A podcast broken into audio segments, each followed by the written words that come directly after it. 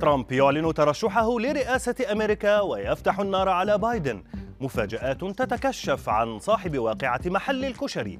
لسان رونالدو قد يغرمه أكثر من مليون جنيه استرليني.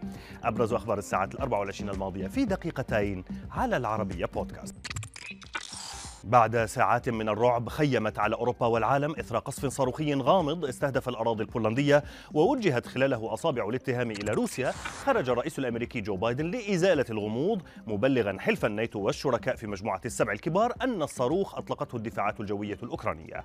من جانبها رحبت موسكو بضبط النفس الأمريكي في الحادثة التي أوقعت قتيلين وكادت تتسبب في تفاقم التوترات بين روسيا وحلف الناتو بعد مطالبات بتفعيل المادتين الرابعة والخامسة من معاهدة الحلف.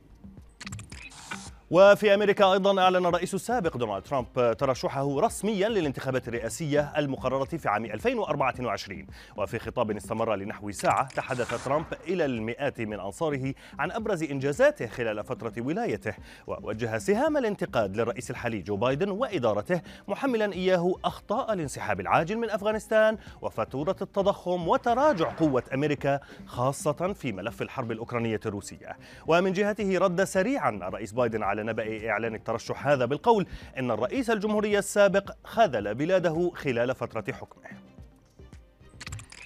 وبعد غياب لنصف قرن أطلقت وكالة الفضاء الأمريكية ناسا مهمة المركبة أرتمس واحد غير المأهولة إلى القمر في أعقاب تأخيرات عدة لعملية الإطلاق بسبب مشكلات فنية وسوء الأحوال الجوية.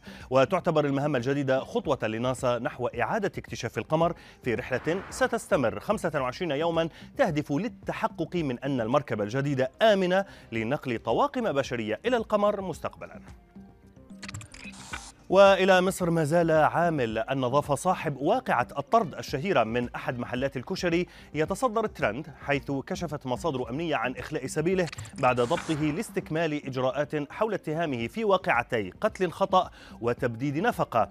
وكان عامل النظافة أثار عاصفة من الجدل خلال الفترة الماضية بعد طرده من مطعم شهير لمنعه من تناول الطعام في الصالة الداخلية ثم طرده مرة أخرى من موقع لتصوير أحد الأعمال التلفزيونية وسط اتهامات من البعض باستغلاله لإثارة الجدل.